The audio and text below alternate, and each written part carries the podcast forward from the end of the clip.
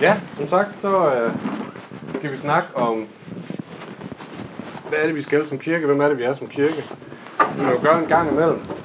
Øh, og jeg kunne godt tænke mig at starte med en øh, historie, eller bare en... Øh,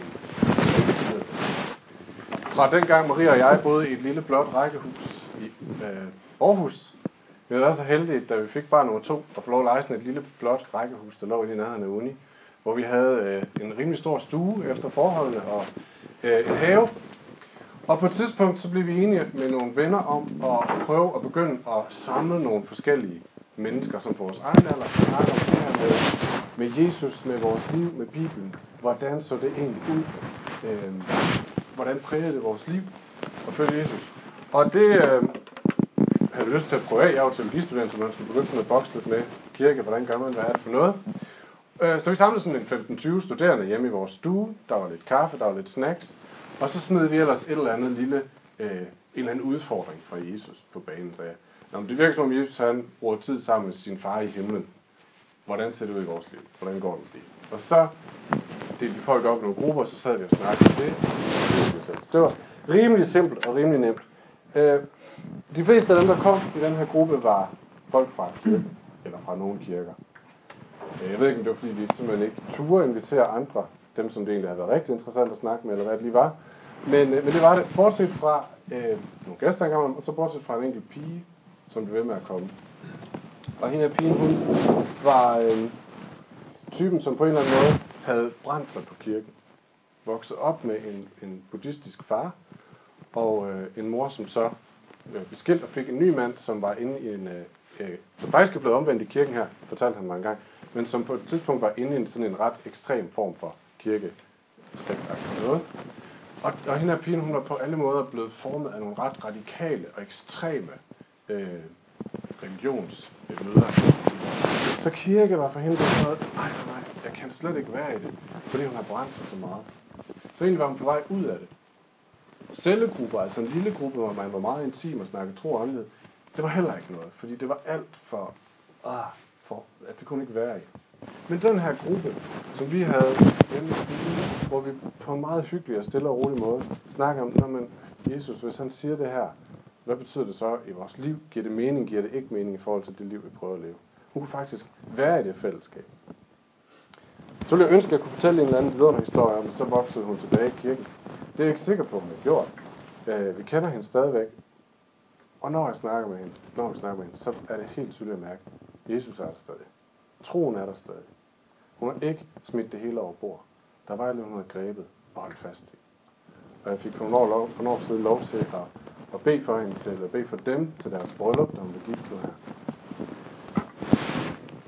Og jeg tror, at det her fællesskab, hun kunne få lov til at være en del, og få lov til at være den, hun var, uden at være på plads med sig selv eller noget som helst, at blive set og blive hørt, var en meget vigtig ingrediens for hende. Vi har en vision Den står i vores vedtægt, og den er nedskrevet for mange år siden, som handler i meget korte træk om, at vi eksisterer for at øh, kalde til personlig tro og discipleskab, discipleskab og til at sprede Guds rige på Fyn. Det bliver lige lidt i korte termer der. Guds rige på Fyn. Så der er altså noget i vores øh, vision, noget af det vi gerne vil som kirke, som handler om, at vi vil gerne vokse længere og længere ind i Guds kærlighed som mennesker. Hver især. Det er faktisk noget af det, vi gerne vil. Og så har vi en vision, der hedder, vi vil også gerne være til at sprede Guds rige på Fyn. Guds rige i alle afskygninger. Vi vil gerne se det ramme noget mere på Fyn. Jeg tror ikke, der er nogen her, der kan være uenig. Det er vores vision, og det har vi øh, holdt fast i lang tid. Så har vi altid arbejdet ud fra en forestilling, mere eller mindre udtalt, at kirke ser ud på flere måder, men primært to former. At der er et brandvarmt center herinde i centrum af Odense, hvor der samles en masse mennesker, der er varmt, og at der ud fra det her center er nogle stråler ud på det fynske, Odense landskab, med nogle fællesskaber, som mødes og som støtter hinanden i at leve som disciple, vokse ind i Guds kærlighed og sprede Guds rige der, hvor vi er. Det er sådan en model, vi altid har tænkt, og den model, vi har faktisk også fået nogle billeder på det. Øh, gennem tiden fik på et tidspunkt et billede om en lyskæde, som spredte sig ud med lys ud over hele Fyn. I ved, lyskæden sådan punkter af lys, lidt ligesom loftet. Øhm, og øh, hver jul har vi sådan en lille seance juleaften, hvor vi går op og sætter lys på et kort over Fyn. Fordi vi drømmer om at se lys sprede sig rundt omkring på Fyn. Og den her forestilling, den her model, har vi jo ikke ud af ingenting. Hvis vi går til skriften, kan vi læse i Apostlenes Gerninger i kapitel 2, at der står med den første kirke, at de mødtes hver dag, at de mødtes i templet hver dag, og hjemme brød de brød. De havde altså en model for kirke, de første kristne, at de mødtes i templet. Det er meget struktureret, det er meget ordentligt, det er meget, øh, her er mange mennesker, vi står sammen med en kæmpe flok. Og de mødtes i hjemmet, hvor der var varme, nærhed, omsorg. Man kunne se hinanden, man kunne øh, udvikle sig sammen med andre, kan man sige. Kigger man på det kirkehistoriske, kigger på forskellige vækkelser, meget interessant, så vil man næsten, så vidt jeg lige kan se, i de fleste vækkelser opdage, at den her model er også til stede. Så vi har metodisterne, som startede i England og blev en vækkelse ud over hele England, ud over øh, USA, øh, og i Danmark spredte det faktisk også, indtil det blev lukket lidt ned. Den anden historie. Men de arbejdede med store gudstjenester, og sådan nogle classes, som de kaldte det. Går vi til Indre Mission, som har præget rigtig meget i Danmark, havde de gudstjenesterne, og så havde de deres mindre fællesskaber i missionshusene rundt omkring. Det gik så helt for sig, at i løbet af, jeg tror, det er en 40-årig periode, blev bygget 2.000 missionshuse i Danmark. I en periode blev der bygget et nyt missionshus om ugen i Danmark. Fordi at folk har brug for det store fællesskab, men også det mindre fællesskab, hvor de kunne vokse sammen og sprede Guds rige. Og her i kirken har vi også historier, det har vi hele tiden haft historier om det her, om fællesskaber, hvor mennesker uden for kirken kommer ind og kan være en del af det, og kan møde Gud på en måde, som er i øjenhøjde og relevant, og som ikke er Guds til. Så det giver mening. Men skal vi tegne det overordnede billede af Fyns valgmenighed lige nu, så er der ikke plads på whiteboard. Så vil det nok se nogenlunde sådan her ud. Så nogenlunde varmt center herinde. Og så er der en masse ben ud fra siden til en hel masse mennesker, som lever deres liv rundt omkring øh, i deres hverdag. Os alle sammen. Vi er øh, rigtig gode til gudstjenester. Vi har super god lovsang. Vi har mega god børnekirke. Vi har et godt fællesskab af min fornemmelse. Og vi er rigtig gode til at tale om, hvordan er det, det ser at følge Jesus, når man er på arbejde, eller når man er i sit nabolag, eller når man er studerende, eller så videre. Jeg hører mange sige, at jeg får enormt meget ud af gudstjenesterne. Måske, måske er det det sted, jeg har fået mest ud af gudstjenesterne. Og jeg synes også, jeg hører mange historier om folk, der fortæller, der skete det og det, da jeg talte med min nabo i dag. Eller det og det, da jeg var sammen med mine øh, kollegaer. Pludselig var det som om, Gud fik over det. Så vi har masser af historier om, om et varmt center, om noget godt, der sker der, og en hel masse mennesker, der øh, bærer Guds rige med sig. Men vi har ikke ret mange fællesskaber, som bærer kirken, bærer Guds rige med sig og står sammen om at ramme byen, og står sammen om at vokse og tro. Så er er det en problem, eller sagt på mere pænt dansk, er det en udfordring for os, som, som vi står med? Og ja, det synes jeg, det er. Og lad mig give bare lige to konkrete eksempler. En er, hvilken konsekvens det har for gudstjenesten. Vi har simpelthen den her konsekvens, at vi kan ikke rumme flere til gudstjenester. Der hvor vi er nu, så ikke vi gør noget, så bliver vi ikke flere. Det siger alle kirkestatistikker. Det er ikke forholde sig til. Man skal forholde sig til den enkelte menighed. Men jeg hører tit den her historie, at folk kommer til gudstjenesten og siger, wow, fantastisk fællesskab. Der er virkelig en varme og en enormt flinke mennesker. Men jeg er ikke rigtig sikker på, at der er plads til mig. Det er jo trist, at det er okay. Sådan er det bare. Og det er ikke mærkeligt. Altså, jeg tror, det er helt naturligt. Fordi hvis vi nu alle sammen lever sådan her, vi er ude på fronten. Vi kæmper for at følge Jesus i vores hverdagsliv. Og, og vi kæmper, og det er hårdt.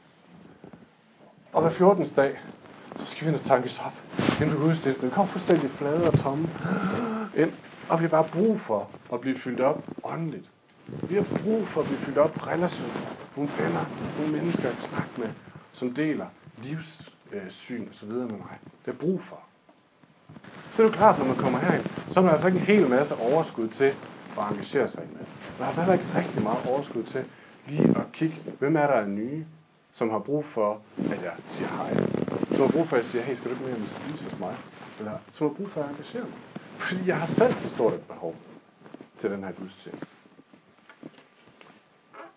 Rick Warren, som er præst i Saddleback, en af de her gamle store megakirker over i Kalifornien, han har lavet, han har konsulteret, så konsulent for hundredvis af menighedsplantninger og menigheder, og han siger, at det her er et mønster, der går igen. Alle menigheder, når de rammer omkring 80-100 til gudstjenesten, så rammer de det her. Lige præcis det.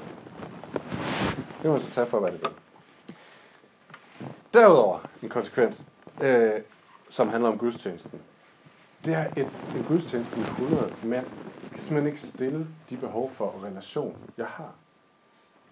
Du kan risikere at komme til gudstjenesten en dag, komme ind, have et eller andet, du har brug for at snakke om, og gå igen, uden at nogen har set dig. Det skal vi forhåbentlig arbejde imod, men det kan ske, fordi der er så mange.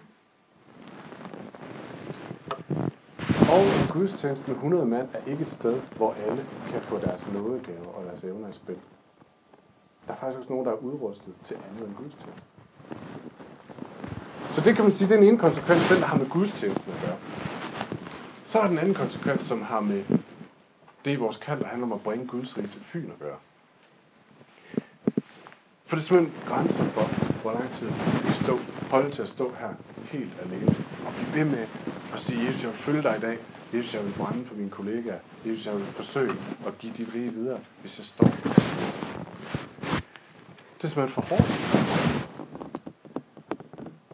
Og en anden ting, en oplevelse, som I måske også har haft, man snakker med en eller anden relation og tænker, hmm, hvordan er det lige at invitere vedkommende med videre ind i et eller andet, fordi jeg har ligesom snakket med vedkommende om det, jeg kan. Men det klinger lidt hul at sige, når vi, vi har gudstjeneste hver 14. dag. Var det noget? Jeg har stået der med folk, hvor jeg tænkte, de her, de har brug for at mødes minimum ugenligt. Så hver 14. dag, det klinger ligesom af ingenting. Eller man står med en og tænker, hvor kan jeg tage vedkommende videre? Nu har de været hjemme og spise i familien med mig og konen, og øh, gudstjeneste er ikke en option for vedkommende. Enten fordi de, som hende jeg fortalte om før, havde brændt sig på det, eller bare fordi de er så langt væk fra det, så det ville altså være en by i Rusland. Hvor kan jeg med? Så jeg vil sige, ja, det er en udfordring.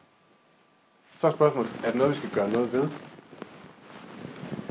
Vi kan også bare acceptere tingens tilstand og sige, jamen nu er vi de der 80-100 mand til gudstjeneste, det er skide godt, hyggeligt.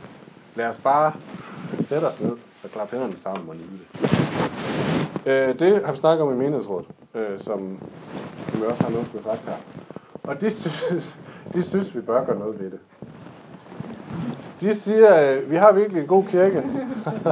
ja, det er ham, vi skal giske. de, jeg tror, de er enige med mig om, at vi har virkelig en god kirke, som vi kan være stolte af og glade for. Men vi bliver også nødt til at være tro mod det fulde kald, vi har fået. Og det kald var ikke at lave en, en fin gudstjeneste inde i midtbyen for de unge og de smukke. Det skal aldrig være vores kald. Så hvad skal vi gøre? Følge Bibelen og kirkeplanen er der noget omkring de her mindre fællesskaber, hvor mennesker kan vokse åndeligt, og hvor vi kan stå sammen om at bringe Guds rige til Fyn. Guds rige til Fyn. Vi har snakket om det her mange gange. Vi har prøvet nogle ting af. Det er svært at fortælle let. Alle af os, tror jeg, mig selv inklusiv, tænker, ja, vi kommer hjem midt i hverdagen, tænker, ah, jeg tror ikke, jeg kan mere. Så tager det ligesom ikke luft under vingerne. Så hvad skal vi gøre, det vi snakket om? Måske kunne vi et eksempel fra, den tid på kirkeåret, vi er i nu. Ja, nemlig fast. Når vi faster, så er der noget, vi ønsker at give fokus i vores liv.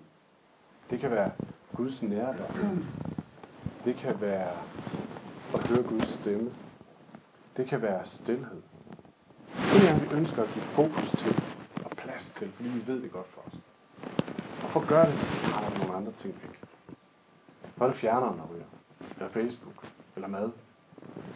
For at give fokus. Fyns Danmark i dag vil vi gerne være optaget af de mennesker, Gud lægger foran os, hvor vi har en chance for at være med til at berøre med Guds kærlighed. Vi vil gerne være optaget af, at mennesker går fra mørke til lys, fra håbløshed til håb. Vi vil gerne være optaget af, at mennesker får et evigt håb. Og, og det er det, vi har fået i vores hænder. Gud har lagt det i vores hænder og givet det videre. Det vil vi gerne gribe. Og vi vil også gerne, at vi og vores børn vokser længere og længere i Guds kærlighed, i at kende ham og i at leve vores liv på ham. Det vil vi gerne. Og hvis man ser på det, som jeg lige sagde, kirkehistorisk og bibelsk, så virker det som om, der er noget, der sker i de mindre grupper. Så det vi gerne, det vi har snakket med meningsrådet, vi gerne vil forsøge at gøre, det er at holde en, at fjerne noget og holde en pause fra gudstjenester, for at give fokus til de mindre fællesskaber. Man kan sige indføre en faste fra gudstjenester, for at give plads og skub på de mindre fællesskaber. Det tidsrum, vi arbejder i, nu bliver det konkret, er fra en gang sidst i august til en gang sidst i november, hvor vi holder en pause fra gudstjenesterytmen, som vi kender det, for at skubbe og give plads til de mindre fællesskaber. Og sende hinanden ud øh, på Fyn og i Odense. Så mødes vi til en fest midt i det hele, hvor vi deler alle de gode historier, og alle glæderne, og alle sorgerne, og så sætter vi hinanden ud igen. Ikke fordi gudstjenesten i sig selv er noget dårligt overhovedet ikke. Det er en virkelig god ting, og en del af, af det, vi skal og kan og vil. Men der er noget andet, vi bliver nødt til at gribe, hvis vi skal gribe det kald, fulde kald, vi har. Ja, for at være ærlig, så har jeg været sådan lidt, lidt spændt på at skulle sige det her i dag. Fordi øh, nu er der ikke så mange, det er måske godt, det gør det bedre. Er det kaffe. Øh, men fordi af natur, så kan jeg klart bedst lide at servere folk noget, der ser godt ud. En eller anden færdig pakke, og siger, wow, er det ikke lækkert? Tag det, gå hjem og brug det. Fantastisk. Og det føler jeg ikke, at jeg gør her. Jeg føler ikke, at det er et færdigt produkt, hvor man siger, køb det her koncept, så kør det. Min fornemmelse, mit billede er mere, at vi rykker bordene sammen, så sætter vi os rundt om, så kigger vi på hinanden og siger vi, vi har et kald. Hvad gør vi ved det? At vi tager armkrogen til Sauer Kors og siger, venner, vi har simpelthen en skat og et kald. Vi skal løse. Vi skal videre. Vi skal gøre det. Hvad gør vi? Så det er der, vi er. Hvad er det, MR og jeg ser for os er mål for det her? Et gammelt ordsprog siger, at hvis Mohammed ikke vil komme til bjerget, så må bjerget jo komme til Mohammed. For en del år siden, så holdt folk i Danmark mere eller mindre op med at gå i kirke. Kirkegangsprocenten er meget, meget, meget langt nede. Og jeg tror, vi kunne øh, forøge vores PR-budget her i kirken, hvis vi havde et med 500 procent. Det vil ikke betyde, at folk kommer i kirke. Vi vil lave en poster, hvor vi siger, at vi har elgitar. Det vil ikke betyde, at folk de kommer i kirke. Det løb er simpelthen kørt. ikke engang saxofon ville kunne gøre det. Øh, så hvad gør vi så? Jamen altså, hvis ikke folk vil komme til kirken, så må kirken jo komme til folket. Eller sat lidt mere på spidsen. Hvis ikke folk vil komme til Jesus, så må vi jo være Jesus, der kommer til folk. Og prøv lige at tage de briller på et øjeblik. Lad os lige sige, se det for dig. Lige sige, Jesus var dig for en dag. Svært at forestille sig, men tænk det alligevel. Jesus var dig for en dag. Forestil dig, at han levede din hverdag igennem. Og lad os sige, at han var i dit nabolag. Nogle af jer har et stærkt kald til jeres nabolag. Hvad ville han tro, hvis han gik en tur? Hvad for nogle mennesker ville falde ham i øjnene? Hvor ville han stoppe op? Hvad ville han, hvem ville han snakke med? Hvad ville han gøre? Ville han gå ud af bilen hen til døren, låse døren? Eller hvad ville han gøre, hvis han, Jesus, var i dit nabolag? Jeg har en gammel øh, demens skråt over nabo. Jeg tror, hun er begyndt med demens. Fordi lige pludselig hun begyndt at dukke op på vejen. Øh, komme gående, og hver eneste gang jeg møder hende, så stopper hun mig op og begynder at snakke. Øhm, og pludselig opdager at vi snakker om det samme hver eneste gang, så gik det op for mig, jeg tror, der er noget galt. Hvad vil Jesus gøre, hvis han mødte hende? Jeg tror, jeg har en eller anden udfordring der i hvert fald. Men hvad nu, hvis øh, det er på din arbejdsplads? For nogle af jer ligger kaldet mere på jeres arbejdsplads. Hvis han sad i din stol en dag, hvad vil han se? Hvad vil han fornemme? Hvad vil han gøre ved det? Eller på dit studie? Eller i din fodboldklub? Hvis Jesus var der, hvad vil han gøre? Der er ingen af os, der er Jesus, men vi har alle sammen et kald til at repræsentere Jesus. Det er meget tydeligt i det nye testamente. Så det her spørgsmål, hvordan vil Jesus forholde sig i din dagligdag, er faktisk et rimeligt spørgsmål at stille sig selv.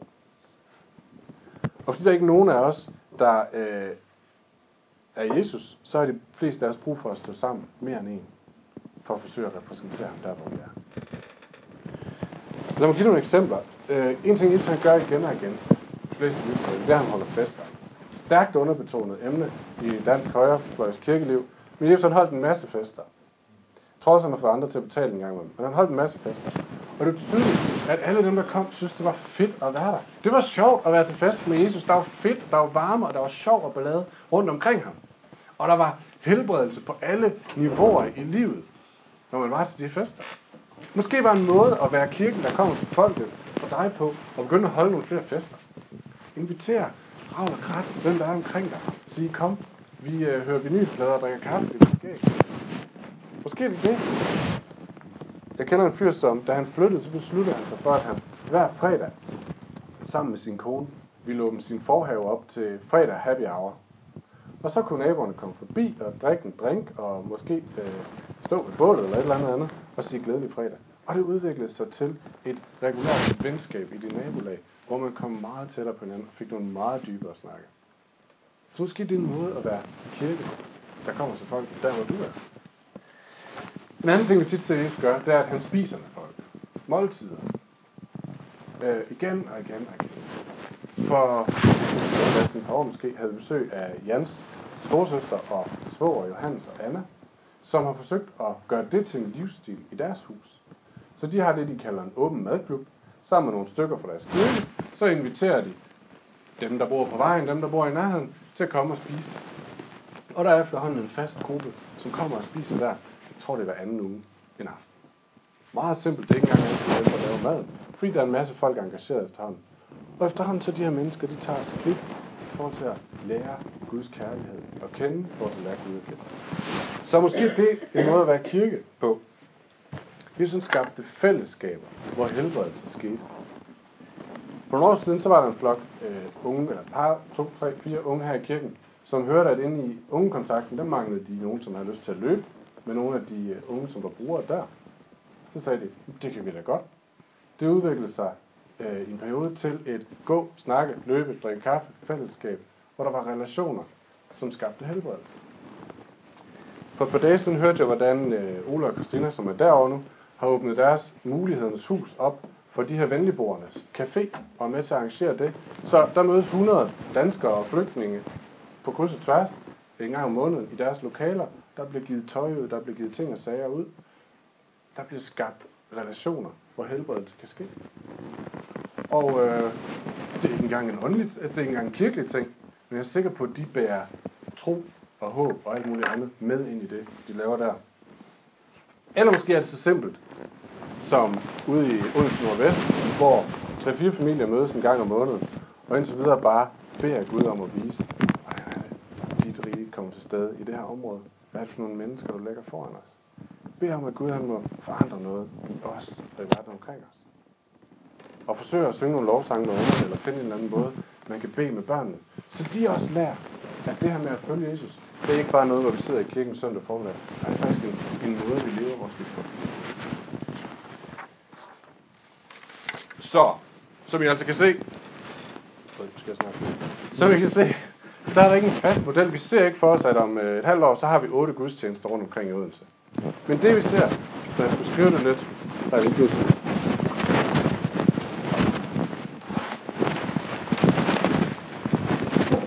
Jeg skal skrive lidt kort og firkantet. Så kan man sige, vi ser nogle fællesskaber, hvor vi har en fælles vision for nogle mennesker, vi er sendt til. Her vil vi gerne forsøge at bringe Guds Så har vi et fællesskab, hvor der er godt at være. Både for os, der er der, og for de nye, som kommer. Fællesskab med varme skal være. Og så har vi en eller anden, et eller andet fælles forhold til Gud. Hvor vi forsøger at have ham med ind i det.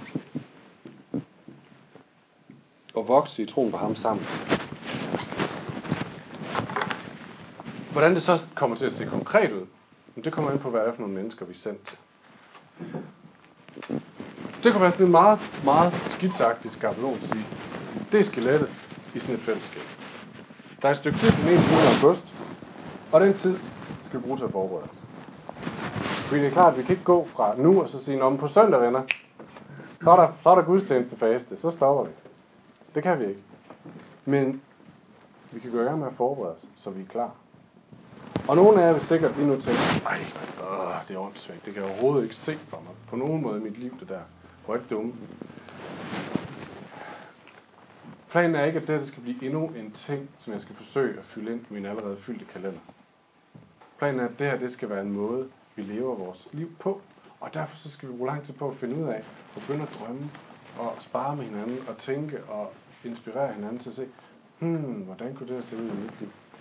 Eller i min families liv? Og i de kommende måneder, så vil vi give masser af plads til, at vi kan drømme sammen, at vi kan spille idéer op af hinanden, at vi kan finde hinanden i visioner og udfordringer. Vi har en lejr coming up, hvor vi kan nå at snakke masser om det her. Vi sætter nogle inspirationsaftener op, hvor man kan komme og drøfte. Det her det er, en, det er en spændende idé, eller det her det synes jeg overhovedet ikke fungerer, eller hvor vi kan slippe hinanden til og vokse sammen. Og vi laver en eller anden form for Facebook-gruppe, som er planen, at der skal vi kunne begynde at dele gode idéer, ressourcer, øh, frustrationer, forslag og alt muligt andet. Fordi som sagt, så er der ikke en færdig løsning, vi lige serverer. Vi har et kald, vi skal forsøge at løse, og det har vi hinanden til. Og nogle af jer vil måske i løbet af de næste par måneder tænke, hmm, måske er det mig, der skal prøve at starte et eller andet op her. Jeg kunne jo helt vildt godt tænke mig at komme til at snakke med så hurtigt som muligt. Snart begynder at overveje, hmm, kunne det være mig? Så kommer de til. For så begynder vi at finde ud af, prøv at finde ud af, hvad har I brug for, for at tage næste skridt? Inspiration, sparring, findes der nogle erfaringer et sted, man kan trække på? Hvordan kommer vi videre? Så kom og sig det med det samme. Og nogle af jer er udrustet fra Guds side til at gøre den her slags ting. Gudstjenesten er ikke jeres sted. Men derude, fronten, marken, det er jeres sted.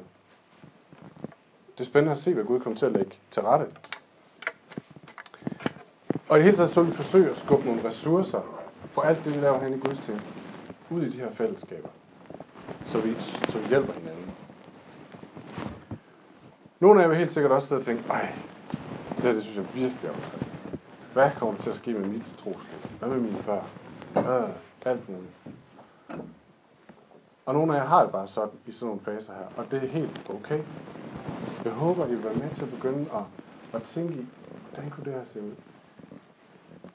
Del frustrationerne, og lad nogle andre være med til at kigge på, hvordan kan vi løse dem? Så vi ikke bare pakker det ned og er træt af det, men så vi begynder at finde på løsninger i stedet for. Hvis du på et tidspunkt i løbet af i dag eller de næste måneder står med en usikkerhed eller et spørgsmål eller et eller andet, så sørg for at snakke med nogen om det.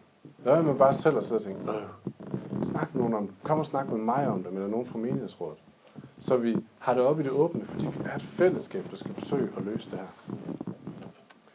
Vi har lavet sådan et, et refleksionsark, som er nogle, der er nogle spørgsmål. Og det er ikke planen, at man skal sidde nu og så udfylde det her og så sige, at jeg har svar på det hele. Det er ikke planen, du skal gøre det i løbet af i dag eller den næste uge. Det er planen, at de her spørgsmål skal sætte tænkningen i gang, processerne i gang, kreativiteten i gang. Også give mulighed for at skrive, hvad er mine frustrationer ned. Så vi alle sammen er i gang med at tænke, og når noget dukker op, så find en og del det med. Eller mig, eller en fra menighedsrådet. Ja. Salm 68, der siger David sådan her, Gud giver de ensomme et sted at bo. Gud giver de ensomme et sted at bo. Vi har en far, som længes efter at samle folk ind i fællesskaber. Giv dem et sted at bo, giv dem et sted at være hjemme. Og han ved, at der er forfærdeligt mange mennesker i Danmark, som enten helt konkret er ensomme, eller som for altid vil være ensomme, fordi de ikke kender deres far. Og Gud lægger alt ned i vores menighed, i dig, til at være med til at give de mennesker et sted at bo finde hjemme. Det er ikke os, der skaber fællesskab. Vi forsøger at sætte nogle rammer. Gud skaber fællesskab. Det er hans løfte. Og det er det, vi skal prøve at gå på i fællesskab. Nu er det skudt bolden over til Jan på menighedsrådet, som lige vil uh, sige noget også. Jeg vil bare lige ganske kort nogle af de refleksioner, vi har og har haft i en periode i menighedsrådet om det her. Det er optaget. Mm jeg siger. Nå, nej, men altså, jeg tænker, at vi i menighedsrådet har i lang tid gjort os tanker omkring det her med, at en kirke er både et center og et netværk. Og helt tilbage til, da vi øh, startede kirken, der var vi jo ikke en gudstjeneste, som mødtes. Der var vi øh, en masse, som øh, mødtes øh, rundt omkring i hjemmene og havde en masse snakke, kom og bidrog med noget øh, hver især. Og øh, jeg tror, mange af os havde en oplevelse af, at, at øh, øh, i høj grad at gå fra øh, et kirkeliv, hvor vi nok øh, langt hen ad vejen var passive. Sådan var det i hvert fald for mig selv, at jeg deltog i gudstjenester, hvor jeg i høj grad var passiv, og jeg deltog i, øh, i noget øh, arbejde, hvor jeg i høj grad også øh, modtog noget, men at det var begrænset for mig, at selv fik lov til at komme på banen. Så vi startede jo ind i kirken med nogle af de her mindre fællesskaber. Hele tiden med et mål om at lave gudstjeneste på et tidspunkt, men aldrig med et mål om, at gudstjeneste var det eneste, vi skulle have i vores kirke. Øhm, men der er jo nok sket det over årene, at gudstjenesten i høj grad er blevet meget af det, vi har i vores kirke. Øhm, jeg tror i høj grad, at der også der lever alt muligt andet i vores kirke også. Der er masser af folk, som har mikromarkere, og der er bibelskolegrupper, og der er også øh, større samlinger, det vi har kaldt der klynger i en periode. Men det har jo i høj grad været op til den enkelte ligesom at være ansvarlig for at skabe de relationer, starte de fællesskaber, finde en mikromarked, starte en bibelstudiegruppe øh, eller et eller andet. Øh, og der er ikke nogen tvivl om, at rigtig mange nye har haft svært ved at blive en del af det. Og som Christoffer siger, så har vi svært fået flere meldinger på folk, som kommer til gudstjenesten og tænker, at det her der var et dejligt fællesskab, det kunne vi godt tænke os at blive en del af, men hvordan gør vi det? Vi er sådan uintenderet blevet en her af smilende ansigter, som har set glade ud, men som det nok har været svært at blive en del af, fordi folk har haft en oplevelse af, at det krævede store øh, sociale kompetencer selv at mase sig ind og skabe sig nogle relationer, og på den måde øh, få fællesskaber, øh, som var mere end gudstjeneste. Så jeg tror i høj grad, at vi har brug for de her mindre fællesskaber øh, i vores kirke. Og noget af det, som, som, øh, som jeg synes er rigtig vigtigt også at have med, det er det her med, at der i de små fællesskaber i højere grad kan blive plads til, at man kan blive set øh, og mærket, at man kan dele liv. Øh, gudstjenesten tror jeg aldrig kan blive et sted, hvor vi får mulighed for som fællesskab at vise øh, omsorg øh, for hinanden. I hvert fald ikke al den omsorg, vi har behov for. Fordi øh, det er i mindre fællesskaber, vi har mulighed for at have en åbenhed, være sårbare, og dermed også have mulighed for at være generøse med vores tid, vores ressourcer, vores opmærksomhed. Øhm. Og så var det i hvert fald selv min oplevelse, da helt way back in the days, hvor vi ikke havde nogen gudstjeneste, at vores samlinger meget var et sted, hvor alle fik lov til at bruge deres nådegaver. Og at øh, og gudstjenesten er ikke et sted, hvor vi alle sammen kan bruge vores nådegaver. Øh, og hvis vi skal skabe rum for, at alle kan bruge deres nådegaver, udvikle deres nådegaver, øh, stille spørgsmål øh, og øh, hjælpe hinanden, så har vi brug for nogle mindre fællesskaber, hvor det er nemmere øh, at komme til ord. Og så øh, har vi jo da gjort os øh, en hel masse overvejelser med menighedsrådet. Hvordan kan vi understøtte, at, øh, det, at det, de her mindre fællesskaber kan blive et godt sted at være for alle, også for vores børn eksempelvis. Øh, fordi vi er vant til nu igennem gudstjenesten, at, øh, at børnene løber herover og har et fedt sted at være øh, til gudstjeneste. Og øh, som Kristoffer siger, oplevelsen ud ved os er i hvert fald, at hvis vi mødes en søndag eftermiddag med vores børn, så har de øh, pænt meget energi, så de fiser rundt som sådan øh, molekyler i en flaske, han har sagt, at det kan være rigtig svært at samle dem og på en god måde skabe rum til både børn og voksne. Øh, det der liv og tro. Øh, men, men vi vil meget gerne øh, i den kommende periode tænke videre sammen med jer omkring, hvordan får vi understøttet, at det også kan lade sig gøre øh, i de mindre fællesskaber. Skal vi lave nogle børnekufferter med nogle børnelovsang CD'er, vi kan synge til, og øh, lyserøde vimpler, han har sagt, øh, en svært at vælge, ved. Øh, eller eller øh, opgaver efter øh, alt muligt. Altså, hvordan kan, vi, hvordan kan vi gøre det, så vi på en eller anden måde får, får, øh, får mulighed øh, for det. Øhm, ja. Så er der også, ligger det mig rigtig meget på sinde, at den her periode, vi går ind i nu, at det ikke bliver en periode, hvor, øh, hvor vi hver især ligesom skal, øh, skal være angste for, om der nu også er et fællesskab, vi kan være med i. Er der plads til os, til mig, et eller andet sted. Øh, men at øh, alle skal have mulighed for at blive en del af et fællesskab. Øh, og det giver os alle sammen et ansvar. Det giver også menighedsrådet et ansvar. Det giver Kristoffer et ansvar. Det giver alle ledere i kirken et ansvar. Øh, det giver den enkelte øh, et ansvar. At, øh, at øh, alle får mulighed for at blive en del af et fællesskab. Ja.